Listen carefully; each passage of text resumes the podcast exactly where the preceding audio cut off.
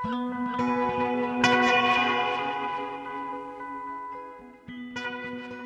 og sælkjærlustendur, Halla Harðardóttir heilsar úr hljóðstofu Viðsjár, 5. daginn 20. og 7. janúar. Í þættu dagsins leikskaldið Marius von Mayenburg, teknikapitalismi og eros og 400 ára gummul tónlist. Leikritið X eftir leikskaldið Marius von Mayenburg verður frumsýnd á stóra svið þjóðleikusins um helgina. Þetta er annar hluti í þríleik eftir þetta þíska leikskáld en um jólinn var fyrstu hlutin LNB frumsýndur þar á bæ og svo verða loka nikkurinn EGAL frumsýndur í haust í leikstjórn leikskáldsins sjálfs. Við ræðum við þýðanda allara þessara verka, Bjarnar Jónsson, um Mæjamburg og glímuna við að koma tekstanum yfir á íslensku í þætti dagsins. Og í dag kynir við sjá til leiks nýjan pislahöfund, Freyju Þórsdóttur. Freyja sem er mentuð í heimsbyggi verði með okkur næstu vikurnar á heimsbyggilegum nótum og í sínum fyrsta pisli í dag fjallar hann um töfrabröð tæknikapitalismans og frumkraftin Eros. Meira um það hér á eftir. Og undir lokþáttar veltum við fyrir okkur 400 ára gamati tónlist eftir ítölsku nunnuna Lucrezio Orsina Vizana. Þann 1. janúar 1623 var gefið út í fenu mótettusafn eftir hanna sem er einstakt því að það er það eina sem hefur varfist af tónlist eftir konur sem störfiðu innan klaustra í Bologna á 17. öld. Næstkomandi lögadag flytur kamerhópurinn Reykjavík Barokk mótettusafn Lucrezio í Breitholtskirkju í samvinnu við einsöngvara og tónleikaröðuna 1515. Það er Diljá Sigursveinsdóttir og Anna Hugadóttir verða gestur okkar í dag og segja okkur frá lífi og störfum Lucrezio Orsina Vizana. En við byrjum í leikúsinu. Þjóðleikúsið er út í miðri á, ef svo má segja, í vinnu sinni með þrjú leikverk, nýjan þríleik eftir þýska leikskáldið Marius von Mayenburg. Von Mayenburg þykir eitt mest spennandi leikskáld Evrópu í dag og þó víðar sér leitað. Hann er fættu 1972 í München í Þýskalandi og verk hans hafa farið víða, verið þýtt á yfir 30 tungumál og sett upp í leikhúsum víða um heim en von Mayenburg er líka meikilverkur dramaturg og leikstjóri, starfaði lengi sem dramaturg við hiðvirta leikhús Sjábúne í Berlín auk þess sem hann hefur þýtt fjölmur klassisk leikverk upp á nýtt á þýska tungum. Leikverkin þrjú sem að þjólikúsið býður nú fram heita LNB, X og EGAL. En áður hafa fjögur önnur leikverk von Mayenburg ratað á leikfjallinnar á Íslandi, sá ljóti, stertabenda, bæng og eldfjess. En eins og áður segir er þjólikúsið nú að komast út að miðju í þessu verkefni. LNB var jólasýningleikúsins X frumsýndum helgina á stóra sviðinu en í haust mun von Mayenburg sjálfur leikstýra Egal. Við ætlum að huga aðeins að von Mayenburg hér eftir stuttastund en heyrum fyrst hvað annar tveggja leikúsrýna viðsjár Eva Haldóra Guðmundsdóttir hafðum LNB að segja millir jóla og nýjás. Samtölpersonana eru gríðarlega áhugaverð. Maður finnur strax frá byrjun að hver einasta setning er útpælt og verður upplifunin svo að orðin séu vopn í höndum karakterana. Viljandi gefur hann okkur engar sannanir eða staðfestingu á hvað er satt og rétt, heldur er allt verkið orð gegn orði. Hver einasta persóna er sannfærandi og ótrúverðug í sann. Hann leikur sér að gildismati áhranda og kastar okkur fram og tilbaka í átökum þeirra astritar, úlfs og klöru.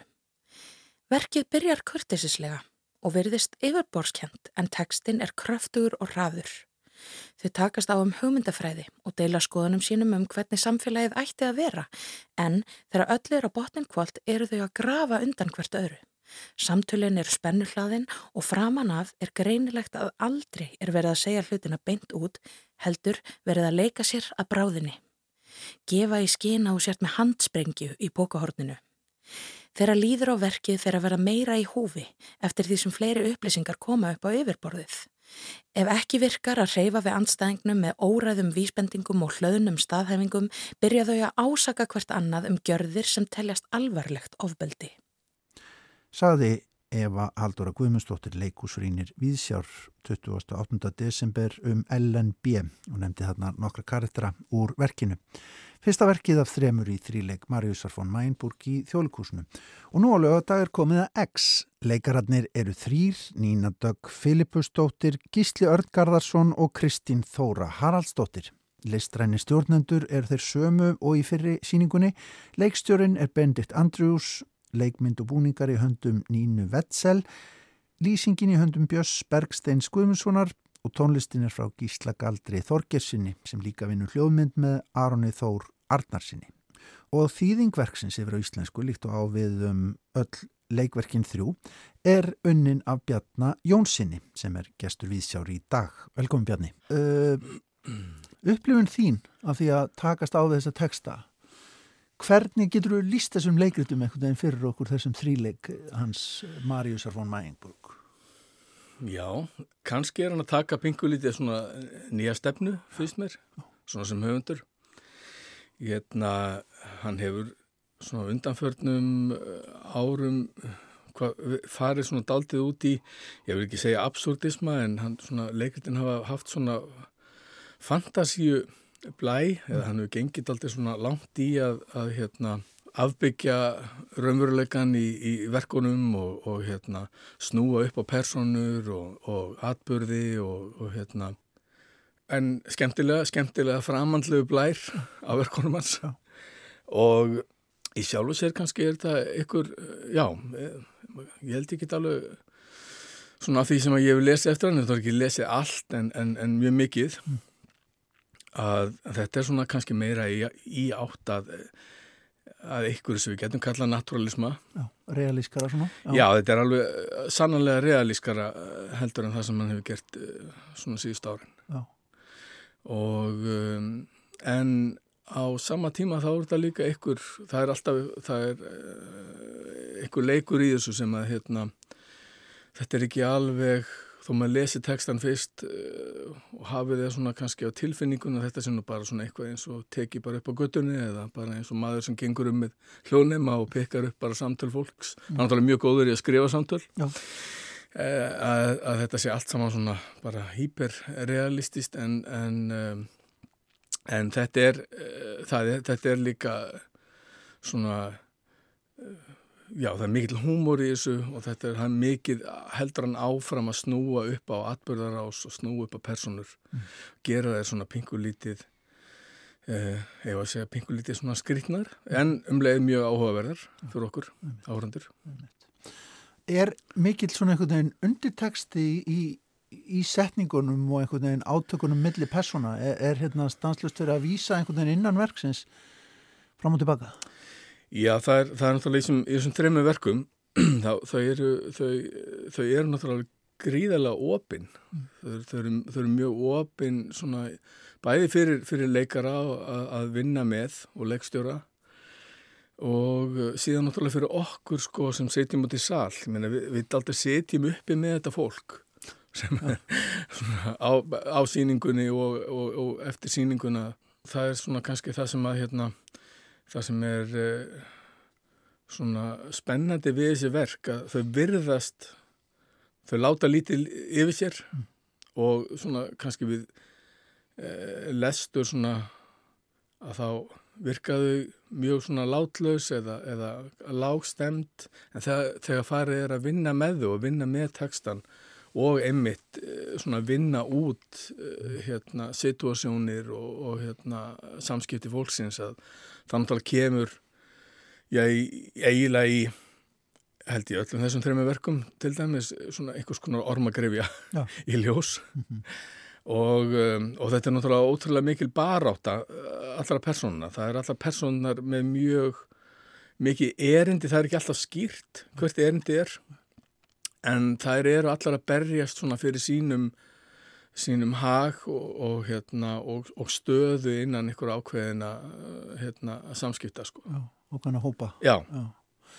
Þetta, þetta, þessu, þetta er aldrei mikið svona leikara leikus, eða ekki? Þeir hafa rosa mikið að, að vinna, vinna með, fá mikið upp í hendunar, það er mikið svigrum fyrir mótun, er það ekki karaktera? Jú, ég, jú algjörlega, auðvitað fer þetta náttúrulega líka mikið eftir eins og maður segir e, e, skiptir náttúrulega mjög miklu máli bara hvernig er komið að þessu og eins með leikstjórn og annað að, hérna, ef að leikstjóri til dæmis er svona opinn fyrir, fyrir möguleikum hérna, verkana þá, þá er hann líka að opna mjög mikinn heim fyrir leikurum mm. og hérna við náttúrulega eh, höfum bara séð eina síningu af, af, af þremur en uh, ég held svona að uh, Benedikt Andrjús leikstjóri hafi til dæmis verið mjög svona opinn mm. með það hvernig ætti að nálgast þessar personur og þar að leiðandi auðvitað gefur hann leikurunum uh, sem eru hérna gríðalega fær og, og gefur þeim svona einhvers konar farveg til þess að vinna í og, og, og eitthvað óttaleysi sem er vola, uh, sem er mjög mikilvægt, mikilvægt í þessum leikutum að, hérna, að nálgast þetta með mjög opnum huga og ekki ekki einhvern veginn veigra sér við að fara inn í svona alls konar afkima mm. eða kima í huga þessara, þessa fólks sko. þetta, er, þetta er gott fólk sem stendur á sviðinu, eh, personar en uh, það er líka bara með alls konar hugmyndir og, og, og, og er breyst og hérna, já og vill einmitt sjá svona hef, hefur hugmyndir um, um sinn svona persónlega framgang sko í lífinu. Við erum mjög svona mjög, hvað maður segja njörfið í okkar tíma, þetta er okkar fólk, þetta er okkar veruleiki, við, við tengjum. Já, við, við tengjum mjög vel uh, við þessar personur, sko það er náttúrulega skrifar þessi verk meir og minna í COVID. Og þess vegna er svona þessi svona, það er svona innurlokana kent í þeim, ég menna við erum alltaf þarna í allavega í tveimuverkan erum við í, í, í hvort skiptið sko að loka inn í þrjár personur Já. sem að uh, eru kannski ekki einangraðar, ég meina það komast burt og, og, og gera það en, en hérna en uh, við erum njörfuð niður í eitthvað eitt rými sem er auðvitað gert og það er náttúrulega auðvitað lagð áherslu á það með því að hafa sömu sko leikmynd í eh, öllum uppsöndingunum að uh, þetta er einhvers konar er konar heimur þar sem að, að hérna það sem búið er að, búið er að einangra fólk og það kemst ekki burt, það, það, kemst, það getur farið burt sko svona líkamlega og, og hérna, jáfnvel komið tilbaka aftur og allt það en, en hérna, en það er einhvern veginn um leið og stíðat neina sviði þá er það, þá er það dottið inn í þessa baróttu sem það þarf að heia með, með góðu eða yllu sko. Tölum aðeins um starf þitt sem, sem þýðanda þessari verka, hvernig er að takast á við þennan texta, hvernig er hann svona þegar kemur að þýðingu þarf þetta að eh, velta mikið fyrir þér tungutæki til dæmis?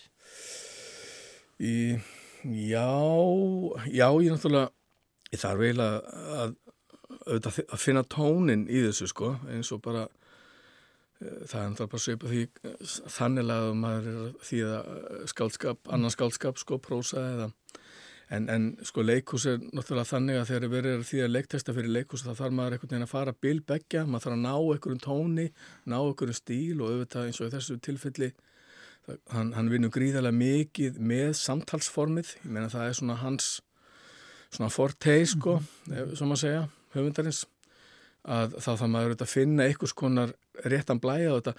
Ennum leið verður þetta alltaf nákvæmur. Já. Og það er svona uh, kannski bara helgast að því að þarna, þarna er ekki beinmiðlun á textanum bara til lesanda eða áhörunda, þarna fáum við heilt batteri sem að leikhúsið er það smelli sér þarna á milli og, og, og ætlar auðvitað að vinna með textan uh mhm. -huh. og leikarar eh, eins og varandi þýðingar og svona þá er, svona, er, er það svona almennt mín reynsla að leikar eru mjög, þeir, þeir kannski ekki, eru, ekki, ekki kannski byndu uppteknir af þýðingum en það leggja mjög miklu áherslu á það að þýðingar séu nákvæmar. Þetta vilja, allir að, að það sé góður, á endanum komið góður íslensku texti og, og hérna, eitthvað sem að, hérna, svona, hefur eitthvað, eitthvað músík í sér og, og, og svona, en já, það er svona, maður þarf svona að sikta út orðin meira heldur en kannski maður tekur sem meira skaldaliði kannski prósa sko, mm -hmm. þegar að vera því að prósa. Mm. Hvað með svona hvað heitir það, leik, sko skilabóð varandi sviðsetningu, er hann, er hann nákvæmur hvað það var þar, er hann að mikið að, að gefa það inn í handritið, hvernig? Nei, það er líku mjög mikið í orðunum í, í, í þessum verkum, það er ekki, það er ekki mikið um, um sviðslýsingar og það, er, og það er, og alls ekki mikið um það til dæmis að hann sé að lýsa því í uh, handritinu sko hvernig fólk, hvort að fólk einu að vera reitt eða hvort þegar það segir sér setningu eða hvort að ég snúa sér þess átuna eða hinna mm. Það er, eh, hann, hann eftirlætur það, og það, það er auðvitað það sem er skemmtilegt fyrir leikstjóra þá og leikar að koma að svona verki mm -hmm. að það er, þarna byrjar opnunum sko, það er í rauninni ekki þú finnur það auðvitað með því að lesa textan, hvers konar músik er í honum og, og, og, og hérna, auðvitað um hvaðan fjallar en síðan er öll vinnan í kringum hann er í rauninni ekki mjög svona forskrifuð sko Nei. af hendi höfundar. Nei. Hann er ekki að gefa miklar, mikla, mikla skipanir um það hvernig eigi að setja þetta upp. Nei. Er gaman að takast á þennan leikteksta? Já, það er mjög gaman sko. Ég er náttúrulega sjálfur mikinn áhuga á samtalsforminu og, hérna, og, og, og Mæjenburg er náttúrulega mjög flinkur já. í því. Þannig að það, það, er, það er gaman að, að, að koma, koma því sko. Þetta er náttúrulega þíska, það er alltaf gaman að koma þísku yfir á íslensku, mm -hmm. sérstaklega á leiksviði sko. Það, það er svona ákveðið, ákveðið ferli sem maður þarf að fara í gegnum. Það er svona að pinga að, pinga að koma daldið að strýpa strýpa uh, hérna tekstan í sjálfu sér sko mhm. eða svona reyna á móti kemur að, að hemmjan eitthvað já, hemmjan sko, á móti kemur að þjóðverðar náttúrulega eiga auðvitað fullt á orðum sem við Íslendingar eigum ekki sko þeir náttúrulega svo uh, tungumálið er svo analítist mm -hmm. að hérna, að maður getur stundum uh, mestu vandræðin sem maður lendir í að þýða til dæmis á þýsku yfir á íslensku og í leikúsi er, er, er bara vegna, íslenskan býr bara ekki yfir þessum orðaforða sem að svona analítist tungumál eins og, eins og þískan gerir mm -hmm.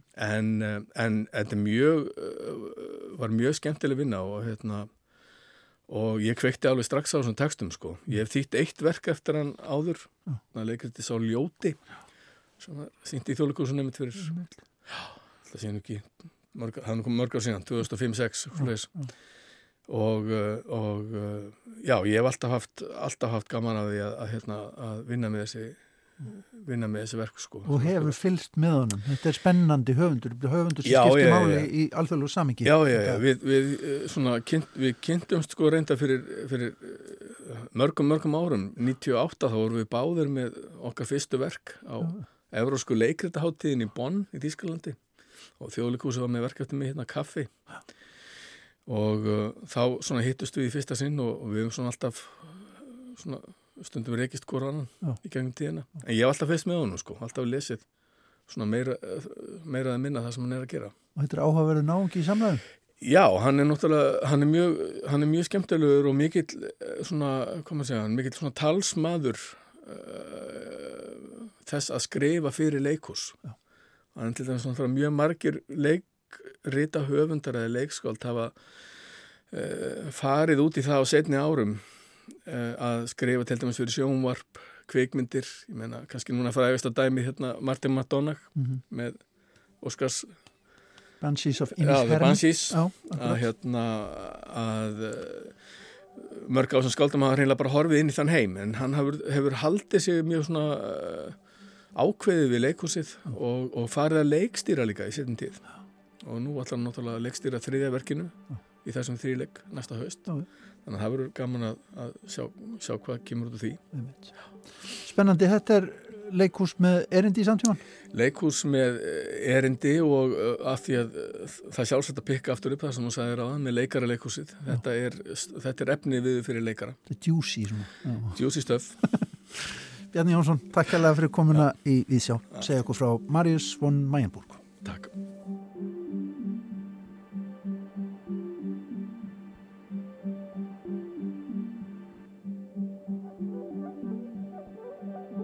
Smá hljóðdæmi úr verkinu X eftir Marius von Mayenburg sem fremsýnd verður í þjóðlíkusinu um helgina. Tónlistin er eftir Gísla Galdur Þorgesson og það var Guðni Tómasson sem að rætti hér við Bjarnar Jónsson þýðanda verksins. Þá er komað nýjum pislahöfundi, Freyju Þórsdóttur. Freyja er mentuð í heimsbyggi og verður á heimsbyggjulegum nótum hér næstu vikunar og í dag fjallar hún um töfrabröð tæknikapitalismans og tengingar hans við frum kraftin Eros. Gjör svo vel Freyja. Heimurinn er í stöðugu umbreytingaferli. Hann er net órjúmanlegra tengsla þar sem eitt hefur áhrif á annað. Ung kona myndar aukssamband við aðra. Svo síðari brosir úr lofa þeirrar fyrri. Þótt hún sé á skjá, nær geislandi brosið alveg inn að beini. Hver einasta flík sem umvefur hana er fullkomin eins og hún sjálf. Augun leiftarandi stjörnur, líka minn af öðrum heimi. Líklega fylltar en skiptir ekki máli. Engin tími til að ofugsa. Vísifingurinn strykst yfir skjáin. Mynd eftir mynd eftir mynd flæðir undir stjörunni í dáleiðandi ritma, uns óljós þrá lipnar. Löngun til að öðlast hlutdeild í hrífandi verunni sem ljómar millir fingrana. Líkjast henni á eitthvað nátt ganga inn í draumin og án þess að taka full meðvitaða ákverðun, án þess að leysa sig úr hinnum kýtlandi dopamíntransi, seglist eigandi símans í kreditkort, slæri nokkrar tölur, umbreytist. Annar staðar í heiminum nagar vísindamæður smækandi fingurnögl er hann skoðar hækandi tölur um losun koltvísirings út í andrumsloftið. Á þriðja staðinum ringsólar kóalabjörn um logandi gúmitrija. Ólíkt okkar tegund sem treystir á gott upplýsingaflæði og öflugviðurna kerfi sem hættu við bræð, stólar dýrið á innri eiginleika sína. Þótt að hafi skinnjað með fyrirvara hvað væri í vandum, þótt að hafi lesið um hverfi sitt hárrétt með finstiltu þefskinni og næmri eðlisávísun, gefst ég ekki tækifæri til að bræðast við.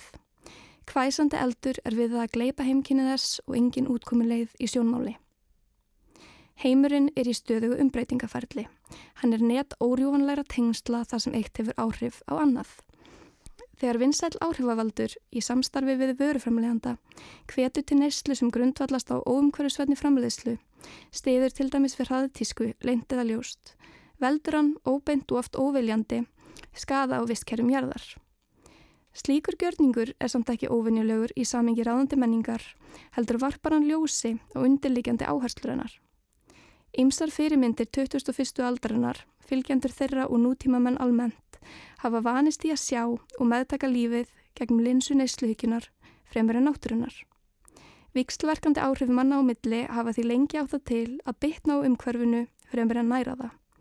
Þannig svífa popstjörnur í enga þyrlum hátt yfir jörðinni og speglast í augum sem líta upp meðan koltvísýringurinn dreifist hljóðlátt um loftið. Breytingar á líkamspörtum frægafólksins toppa mest lesilista fjölmiðla meðan fréttir af útrýmingu dýrategunda hverfa í bakgrunnin. Við sjáum bæði í gegnum þetta og ekki. Pýrum augum, augun en skrólum ótreyð áfram. Og ferðalæginu um óravítir internetsins varpast á tjöld hugans ógrinni myndbrota af veruleikanum sem hrærast og steipast í óræða mósækumynd, fantasi og raunveruleika. Hún er kokteill af falsfréttum og bjargtröstum upplýsingum um heilbriði lofthjúpsins þar sem fótursjöpaður hverstasleiki fléttast saman við raunverulegar glitrandi stjörnuþókur og örverur í æfintiralegri upplaust. Nýjasta tækni getur nefnilega bæði afhjúpað ráðgátur og skapað sjónkverfingar. Hún getur leitt aðegliskáuna inn í ný stórbrotin sjónarhorn sem vika sín og hún getur splundrað henni í þúsund móla eins og aðegliskrisa nútíman staðfestir. Myndir þyrrlast um etirinn á síauknum hraða. Það er taka helgastökk í hálóftunum og brotlenda í hugum okkar, skiljandi eftir sig spór. Tilfinningin er svo að ástandið sé tiltölulega nýtt, að við séum fyrst núna að bókna undan sjónrænu áreiti, en kannski ekki. Árið 1994 lísti franski kenningasmiðurinn Gíti Bór samfélagi sínu sem samfélagi sjónarspilsins. Samkvæmt honum hafi fókus yðnarkapitalismans á eign umfram veru, við ekki fyrir fókusnum á sínd umfram veru en ef því bóri sér skindilega upp frá döðum þá kynna hann að fá tauga áfall. Það má færa rauk fyrir því að við bæði eigum sínum sneira en nokkru sinni fyrr og það að vera hafi breyst í metnar fulla áskorun og gullöld aðeiklirefnahagsins og eftirsanleikans, það sem fyrirtæki keppast um aðeiklískáu okkar, flögrandi vangbrotna í ósýnilegu netinu. Tristan Harris, fyrirverandi verkfræðingur hjá Google, hefur ásand fleirum vakið aðtikli á því hvernig neytendum ímissan netmiðla sé stýrt á útreiknandi hátt. Að þeim liggi til grundvallar sérstök hönnun ákveði viðskipta líkan sem íti beinlinis undir það að neytendur týni sér innan um töfrabröð tæknikapitalismans. Það sem skjáttími okkar og skrólvegalengdir umbreytast í gull í höndum fyrirtækja. Harris segir að ástriðans fyrir töfrum hafi leittan inn í veröld tæknirisana og fengið að blómstra þar í nýju samingi. Það eru takmarkanir aðtegliskáfunar sem að hans sögn er líkil töframannsins en sá getur með skilningi á blindblettum áhorfandans, ráðskast með einbettingu hans og planta örfínum vísbendingum í undirmeðutundina. Þannig er valiðan stýrt án þess að hann átti sig. Einu uppspretta þeirra þekkinga sem tæknirísatnir hafa hagnýtt í beislunsinni og aðtegli mannsins er nútíma sálfræði. Það er kannski öfugsnúið að fræðinum sálina hafi nýst til að auka andlegan óskýrleika okkar en við lifum undarlega tíma sem kallast þó ávið enn undarlegri tíma ef tekið er marka á trúarbræðafræðingnum Júan Petru Kulianu sem er ansakaði á nýjönda áratug síðustu aldar náttúruheimsbyggi endurreysna tímans. Hann útskýrði að þá hafi með endurvakningu og samblöndun fornra hugmynda orðið til kerfi galdra hanna til þess að ráðskast með kvatir fólks. Og þessar hugmyndir hafi ekki horfið, heldur haldið velli í nýjum búningum. Megin lögmóli fóli í sér að hægt væri að hafa áhrif á hvert sem er með stýringu á þrám og ímyndunarafli viðkomandi. Kuliano segir að þótt nútíma maðurinn tengi galdra einna helst við hókus pókus og hjátrú séu þeir undanfarið þeirra félagsvísanda nútímans sem tengjast mótun almenningsálitsins eins og til dæmis markaðsfræði. Að endurreysnar mákusins í fjarskildur frendi auðlýsingamannsins. Bæði í tilfelli endurreysnartöfrana og tæknitöfrana eru grunnþættir mannlegrar meðutundar notaður í hagsmunaskinni. Böndum er komið á þrána eða hún veit í net svo vitna sér í töframann endurreysnarinnar. Samkvæmt Kuliano bindur skaldræðnir helst að ímyndunaraflinu og áhrifumætti erosar. Eros er markþægt hugtak en hér er áttið máttugan frumkraft sem í gegnum ímyndunaraflið knýr þrármannsins í öllu sínu veldi. Hann örvar þrána fyrir kynferðslega námt, efnislega gæði og aðtigli svo fátt eitt sér nefnt. En Eros knýr líka tengsl mill einstaklinga og tengsl einstaklings við guðuleikan, náttúruna og innri veru sína. Það eru töfrar í mætti erúsar sem likur sífættri endursköpun heimsins til grundvallar og tengir formnátturinnar saman þegar hann flæður um plánutunar og efnisheiminn. Hann kviknar og reyfist sem ást og aðdráttarafl í gagnvirku sambandi alls sem heimurinn geymir því saman mynda hinn fjölbreytilegu fyrirbæri hans dýnamíska held. Ef við speklum okkar tíma í þessari hugmyndum Eros, má velta fyrir sér hvaða áhrif það hefur þegar andleg fyrirbæri á borðu aðegliskáu þrár og ímyndunrafl eru fest í menningarleg bönd sem ákvarða hvað þau komast í snertingu við. Þegar þau eru skorðuð og náðu ekki að tengjast vítt og djúft, hvað verður úr töfrum heimsins ef þeir eru virkaðir fyrir gróða eins og orka í stíplaðri á? Hvað gerist þegar sköpunarkraftur lífsins fær ekki að flæða ótrublaður gegnum ringrásina, gegnum tengsl kólabjörs við visskerfi sitt, gegnum tengsl lífvera, fær ekki að hreyfast og vikslast í organískum minnstrum náttúrunar? Og hvað gerist þegar við nefnum ekki töfrana sem búa í þeim? Þegar lífið endur skapast ekki gegnum frjálst ímyndunrafl og vökul skinnfæri heldur týnist innan um nýjar upplýsingar, auðlýsingar, vörur sem þeisast inn fyrir sjóndeldarhingin, hraðar og hraðar og hraðar. Það má segja að lífrikið sem við tilherum og innsæði sem tengir okkur því hafi mist áhrif að mátu fyrir aðtegli okkar og þrám í samanbörðið við menninguna sem við þrýfumst innan. Að aðtegli skáfan sé bæði upptendruð og bundin innan þess viðskipta líkans sem knýr töfrana. Að hún sé full en ekki endilega nærð og næringarleysi skapi þrá fyrir það sem ekki þjónar. Eitthvað sem rýmar við þá hugleðingu náum í klæn að við leitum að náður vörumerkja fyrir ljóð og andlega næringu vegna þess að við erum ekki að fá þessa hluti frá samfélögum okkar eða hvort öðru. Kanski höfum við ymmit sagt skilið við ákveðna ljóðrænu í skinnjun okkar á heiminum, lært að sjá á einn hátt en glemt að sjá á annan. Fyrir tíma vísind á heimsbyggi trúði fólk líka á töfra. Ekki þá tegund sem ítir vitundinni fjær því sem er með sjónkvarfingum, heldur þá tegund sem dregur hana nær. Forverur okkar áttu í töfrandi tengslum við sólina og plöntunar og dýrin. Tengsl sem spruttu upp úr næmni fremur en tæknikunn áttu. Allur hinn náttúrulegi heimur eðaði af lífleika. Sögulega hefur fólk með slíka sín verið álitið eftir á í andleiri þróun eins og það eigi enn eftir að uppgöta sannara sjónarhorn raukhugans. En hvað ef það eru við í allra okkar tæknilegu dýrð sem ekki erum búin að uppgöta sannleikan í sjónarhorni þeirra? Í samfélögum frumbyggja sem enn hlýða á tungutakjarðarinnar þrýfst lífið í kring einstaklega vel.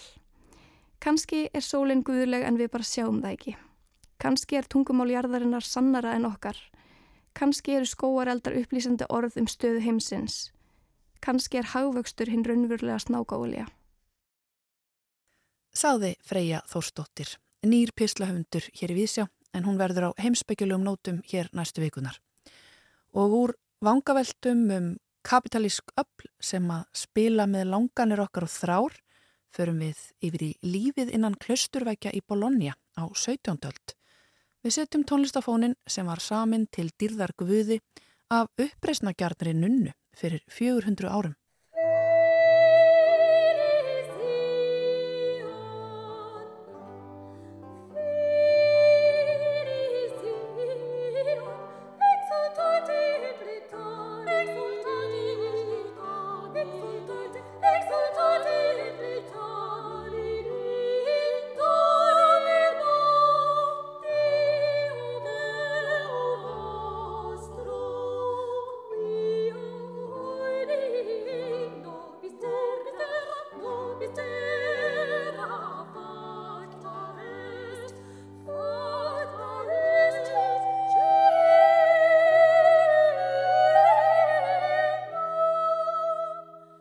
Þann 1. januar árið 1623 fyrir 400 árum síðan var geð út nótnasafn í fenu, mótættusafnið Componimenti Musicali eftir ítalska tónskaldið Lucrezio Orsina Vizana. Safnið er upprunnið frá Bologna þar sem að nunnan Lucrezia lifði alla tíð innan klausturveggja. Og safnið er einstakt, bæði að innihaldi og gæðum, því það varveitir einu útgefnu tónsmiðarnar eftir þau fjölda kvenn tónskálda sem störfiðu innan klaustra í Bologna en þar blómstræði upplugt tónlistalíf á 17. öld. Næstkomandi lögadag mun kammerhópurinn Reykjavík Barokk flytja þetta mótettu sapn í Breiðaldskirkji í samvinni við einsöngvara og tónleikaröðuna 1515. Tilefnið er 400 ára útgafu ammali sapsins og um frumflutning hér á landi er að ræða.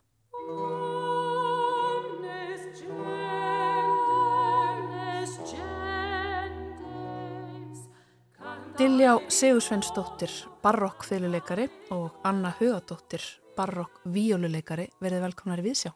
Takk fyrir. Til að byrja með kammerhópurinn Reykjavík Barokk, hvað er það? Það er hópur hljóðfærarleikara og, og kennara, Já. við flestar hérna, erum, erum kennarar, sem höfum áhuga á því að, að spila tónlist, forn tónlist. Já, á eftirlíkingar af upprunarhljóðfærum mm -hmm. og höfum áhuga á þessu sem á ennsku heitir Historically Informed Practice mm -hmm. eða upprunarflutningur mm -hmm. á íslensku. Það sem við erum að bara gera alls konar tilrunir með og geta okkur til um það hvernig tónlistin gæti hafa hljómað þegar hún var saman. Því að við vitum það raunin ekki alveg. Nei. Mhm. sem þetta gefur okkur heilmikið frelsi en það eru þetta uppi ímiskonar kenningar og alls konar heimildir sem við getum sótt í og skoðað mm -hmm. og svo snýst þetta auðvitað bara allt um sannfæringarkraftin mm -hmm. þegar allir eru bótningvöld. Mm -hmm. En ef maður velur sér barokkfílu og barokkvílu þá er maður með huga með þetta að aldrei snemma svona á, á ferlinum eða, eða hvað? Já, ég ég var nú svo heppin að að mamma mín er söngkona, hún segir hún Valgeru Gestóttir og hún hún söng í, í Skálholti á svona fyrstu árum eh, hérna sumaltónleikana og ég var strax alveg hugfangin mm. af þessum hljómi og þessari tónlist og sembal hljómanum mannar helgu og þannig ég barði eiginlega ekkit söm eftir það. Mm -hmm. Ég kemur raun og veru inn í þetta baktiramegin af því að ég kynnist ekki upprunaflutningi fyrir en ég er komin í framhaldsnám út í Hollandi og eignast barokk hljóðfæri í kringum árið 2009 og þá fór ég bara að gera tilrönns mm -hmm. og síðan þá hef ég eiginlega bara ekki losnað við þetta mm -hmm. þannig að já, ég var svo heppin að fara í tveggjára framhansnámi í Lístaháskólan þar sem að Svafa Bernhardsdóttir leti mig í mikinn sannleika um þetta hljóðfæri. Og hef fengið töluvert að gera sem barokk víuleikari og þetta er eitt af skemmtilegst ger Já það er mikið að gera fyrir fólk sem að sér af þessi upprunaflutningi. Furðu mikið. Já. Miða við hvað við erum lítil þjóð og hvað við erum í raun og veru fá sem erum starfandi tónlistamenn á Íslandi, mm -hmm. þá er gríðaleg gróska mm. og mikill áhugi og það er verið að gera alls konar spennandi. Einmitt. Bara okkur verið snerta við mjög mörgum. Ég held að sé hrinnjandi að því að ég er mjög mikið, já sko stórum hluta baróttónlistar er mjög drífandi púls og ég sé þetta á litlum krökkum sem að ég er að kenna sko, ef ég set barokk á fónin, þau opna eirun alveg eins fyrir því og ef ég verður að setja tekno á fónin sko. Mm -hmm. Já, það er, það er, það er sama hjá mér. Þetta, ja, það er bara þessi drífandi ja. púls og þessi stöðu í gangur. Já. Þetta sving, þetta sving. það er eitthvað sving.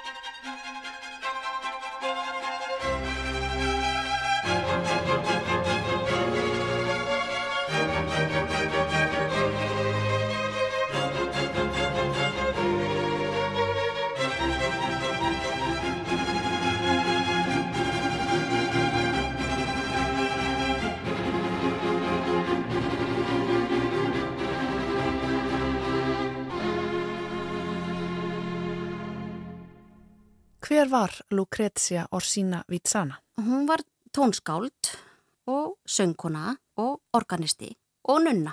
Og hún fættist á Ítalju, það var 1590 og hún var ein af fjölmörgum konum sem að, sem að var send í klustur, hún var vel eh, stæðu fólki, þetta var vel metin ætt í Bólónia, eina stærstu ættunum þarna í, í Bólónia en móðurinn að deyr þegar hún var áttara og það voru margar fjölskyldur, svona velstæði fjölskyldur sem að völdu þetta að í stað þess að, að greiða með stúrkonum, ríflegan heimannmund, að þá ákvöðu þau að senda þær í klaustur mm -hmm. og, og, og, og greiða ákveðna summu til klaustusins og það var hægt að reka það og veita þeim fæði og húsnæði og oft með velstæðu stelpunar að þær fengu að menta sig. Þannig að þetta var uh, fólkur öllum stjættum sem að fór inn í klöstrið? Já, það var það, en þetta var stjættskipting þarna innan. innan. Já, já ég, ég skil það að það voru þarna þjónustu stúlkur til dæmis, sko, ég meina hún var svona aðalborin en, mm -hmm. en, en þær, þú veist, var, hún var ekkert að skúra gólf. Þannig að, þannig að þarna, þetta var bara svona Já, stúlkunar af þessum virðulegu fjölskyldum fengu tækifæri eins og þú segir til að menta sig já, og já. læra tónlist já. og svo framvegs. Og hún er, sagt, er sendið þetta klaustur sem er bara þannig næstu götu við heimileginar. Sennilega vegna þess að þar voru frængur hennar fyrir. Það voru þarna tvær frængur. Mm. Þannig að, að hérna, það eru tvær sýsturnar, Lucrezia og, og Virginia, e, sýsturinnar, og þær voru sendar í þetta klaustur og læra bara fá að læra þetta mjög vel, eh, sagt, mjög frægt klaustur, tónlistar klaustur og fólk kemur þarna að bara, bara túristar að bara koma og hlusta á, mm. á þeirra eh, hérna, flutning og, og, og tónverk virðist vera vegna þess að já, það er gefnar út 20 mótettur, safna mótettum 1623 í Fenegjum og þetta er eina semst, varðveita tónlistin eftir hundruði kvenna sem að voru, voru á þessum tíma semst, bara tónlistakonur innan vekja klöstusins á, á þessu svæði mm -hmm. í kringum Bologna og, og mm -hmm. Þetta er alveg stórmerkilagt að því að við höfum auðvitað hýrt um það í setni tíð hvernig verða að draga fram konur fram í dagsljósi sem að voru að starfa en mm -hmm. við vitum að það er voru að starfa þó þar hafi ekki verið skrifaðarinn í söguna mhm. en 150 konur. Þarna bara á þessu litla svæði þarna í upphafi 17. aldars. Semst, heimildir um hunda bara á í Bologna. Einmitt. Já, það er alveg magnað. En þetta, þessi tónlist er eina sem við höfum í höndunum.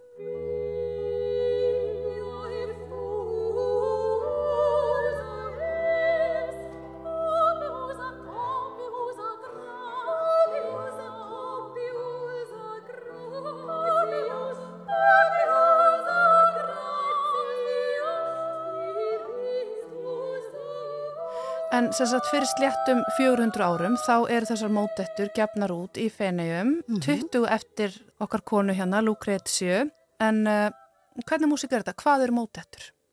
Mótettur eru í raun og veru stutt, sungin verk af geistlegum toga, sem sagt kirkju tónlist. Mm -hmm.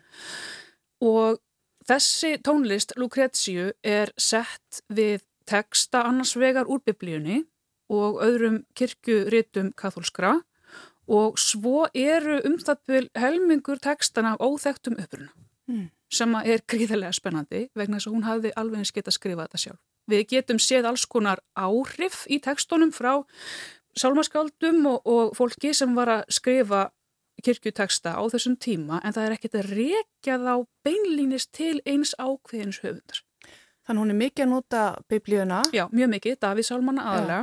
Og svo eru þarna tekstar sem eru undir áhrifum frá alls konar tekstum, sér tekstar sem eru áhrif, undir áhrifum frá ljóðaljóðunum eða mm. sálmum frá sálmaskaldum þess tíma og svo framvegis en þeir eru margir hverjir mjög personleir og líka tekstarnir sem hún tekur úr biblíunni, hún er ekki að gera neitt af því bara. Hún velur það mjög meðvitað. Mm -hmm. Stórmerkilegt. Maður hefði kannski ekki giskað á það að, að nunnur á þessum tíma hefði verið að skrifa út frá sjálfum, sjálfum sér. En hún er heldur ekkit inn ennum venjulegum aðstæðum. Það sem gerist svo þegar hún í raun og veru er komin á flug sem tónskáld er það að kirkjufeðurnir í kringum klaustrið, þeim finnst nunnurnar heldur frekar til fjörsins og senda rannsóknar nefnd inn í klaustrið til þess að bara bæla niður það sem þeim fannst bara uppreysnartaktar. Þeir vildu sem sagt komaði veg fyrir það að það er væru að sína of mikið sjálfstæði í sinni mhm, sköpun. Mm -hmm. Já. Og bæði hvað var þar margrata hljóðfara tónlist sem þeim fannst ofveraldleg og svo líka þetta að það er væru einmitt að semja þessa tónlist á þennan hátt. Og Með þetta einstakling sjónarhátt þá? Já, vantanlega vegna þess að þeim getur, finnst þær of sjálfstæðar. Sko. Mm -hmm. Það er sendt rannsóknar nefnd í klaustrið og við sjáum það í mörgum tekstana, hún er reynlega bara að byggja til aðri máttarvalda um, um laust frá þessu okki og hún byður um styrk til að mæta óvinnum sínum mm -hmm. og alls konar lutum maður, þegar maður fyrir að lesa þetta og, og pæla í gegnum þessa teksta þá sér maður raun og veru inn í hennar sálarlíf. Mm.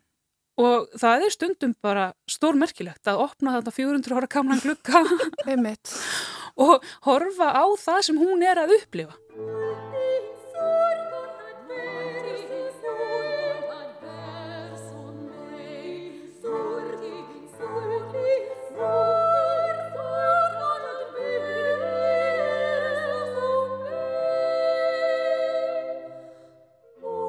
Hún er að beita alls konar stílbröðum mm -hmm.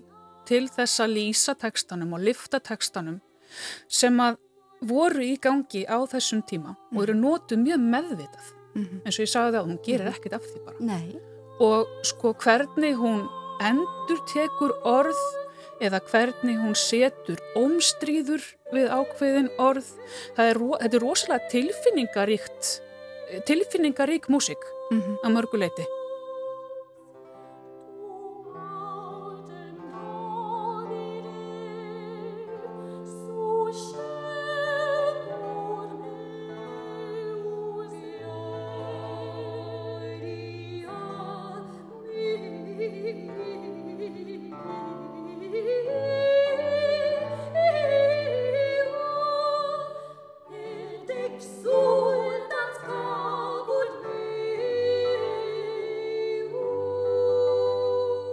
Tölum aðeins um þessa tónlist, þarna eru við, þetta er svona, enduristnin er að líðandi lók og barokkið, þetta er svona forbarokk. Mm -hmm, frum barokk, já. Frum barokk, þetta er margrata polifónia með undirtón. Mm -hmm.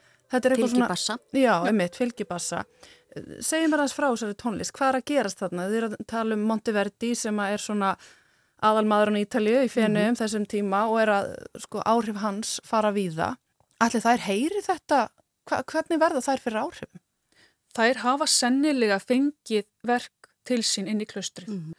og þær hafa öruglega haft kennara eða einhvers konar verið áhrif að utan vegna þess að mjög mikið að þessu sko er í gangi á þessum tíma. Og maður hugsaður auðvitað að það væri freistandi að ætlast til þess að fólk bara fattaði allt samtímis hversu frábært þetta er. En það eru þetta ekki þannig. Við, við stöndum öll að aukslum hvers annars þegar kemur að áhrifið með tónlist. Einmitt. En þetta er það sem hefur verið kallað uh, nýji stílin, er það jú, ekki? Jú, mhm. nýji stílin og hann er allur svona brattari heldur en það sem var. Það eru svona stærri stökk, það eru meiri ómstríður, það eru meiri ástríður, það eru meiri mhm. stælar.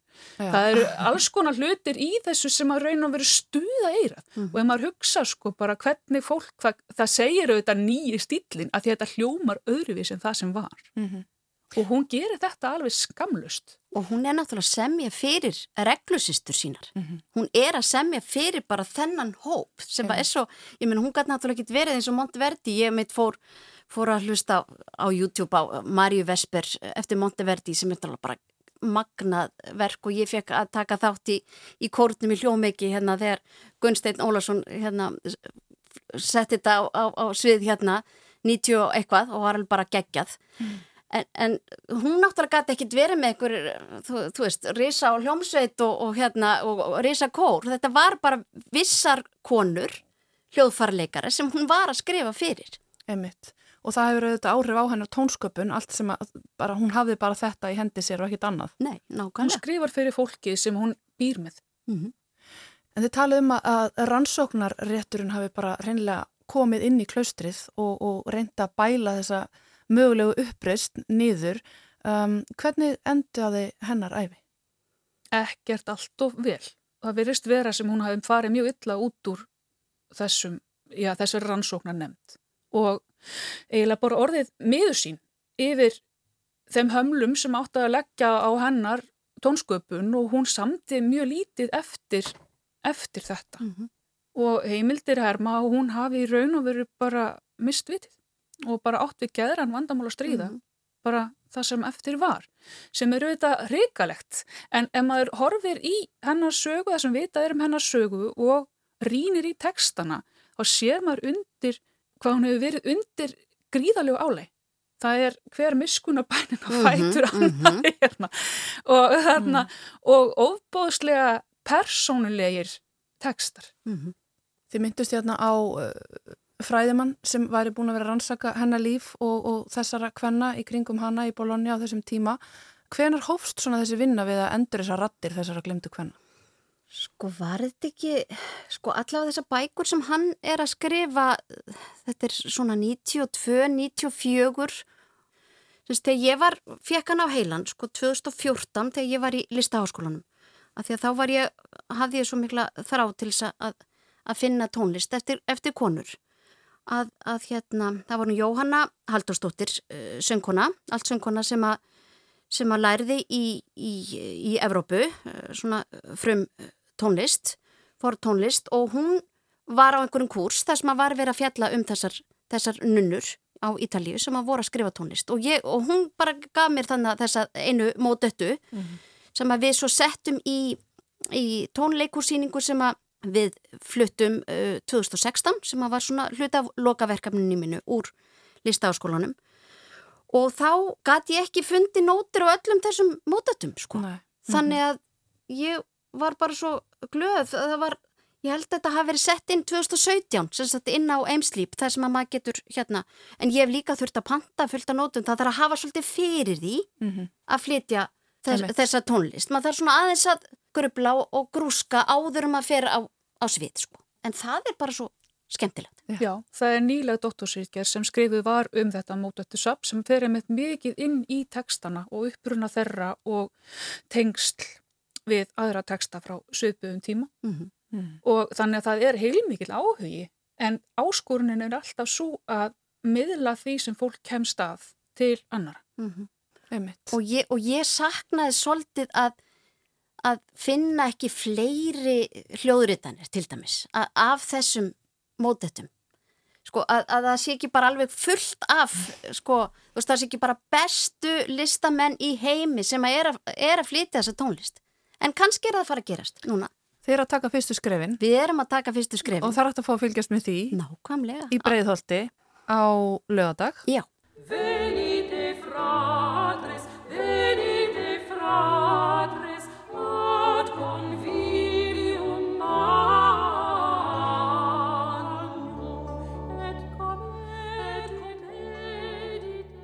Það sem að við erum kannski orðin meðvitaður um núna sem er vel er það að það er svo mikið að frábæri tónlistanóti og við erum bara svo miklu duglega að leita. Og við erum svo miklu duglegri að fara að skoða eitthvað sem að enginn hefur spilað áður og, og þóra að spila eitthvað sem enginn hefur spilað áður Já. og taka af skarið og, og, og tólka það og búa það til. Af því að það þarf ekkit alltaf að vera eitt snillingur. Nei. Og það þurfa heldur ekkit að vera kassastykki alltaf. Mm tónlist er náttúrulega bara tjáning manneskunar og, og, og við í þessu, þessari svona kvennfrelsis baráttu vegi á veginum, þú veist að þá er það bara svo uppurvandi að fá bara svona fallega tjáningu úr, úr fortíðinu, bara til þess að uppörfa sig, af því að margt er svo erfitt í, í þessu eins og við vitum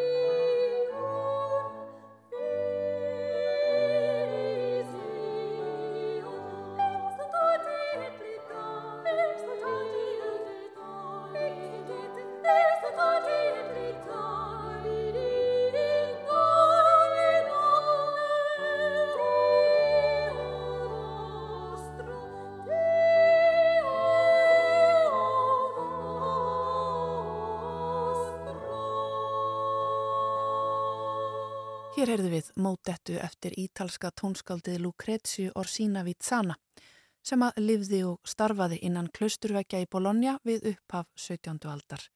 Það var breska sóbransöngkonan Catherine King sem söng hér. En næstkomandi lögadag flyttur kamerhópurinn Reykjavík Barrock allt mótettusafn Lucrezio í Breitholdskirkju í samvinnu við einsöngvara og tónleikaröðina 1515. Og þá erum við komin að lókum þáttarins í dag. Ég minni á úrvalur viðsjárþáttum vikunar á sunnudag og ég minni líka á spilararúf og aðrar hlaðvarpsveitur þar sem að hægt er að nálgast þættina hvena sem er. Takk fyrir samfélgina í dag og verið sæl.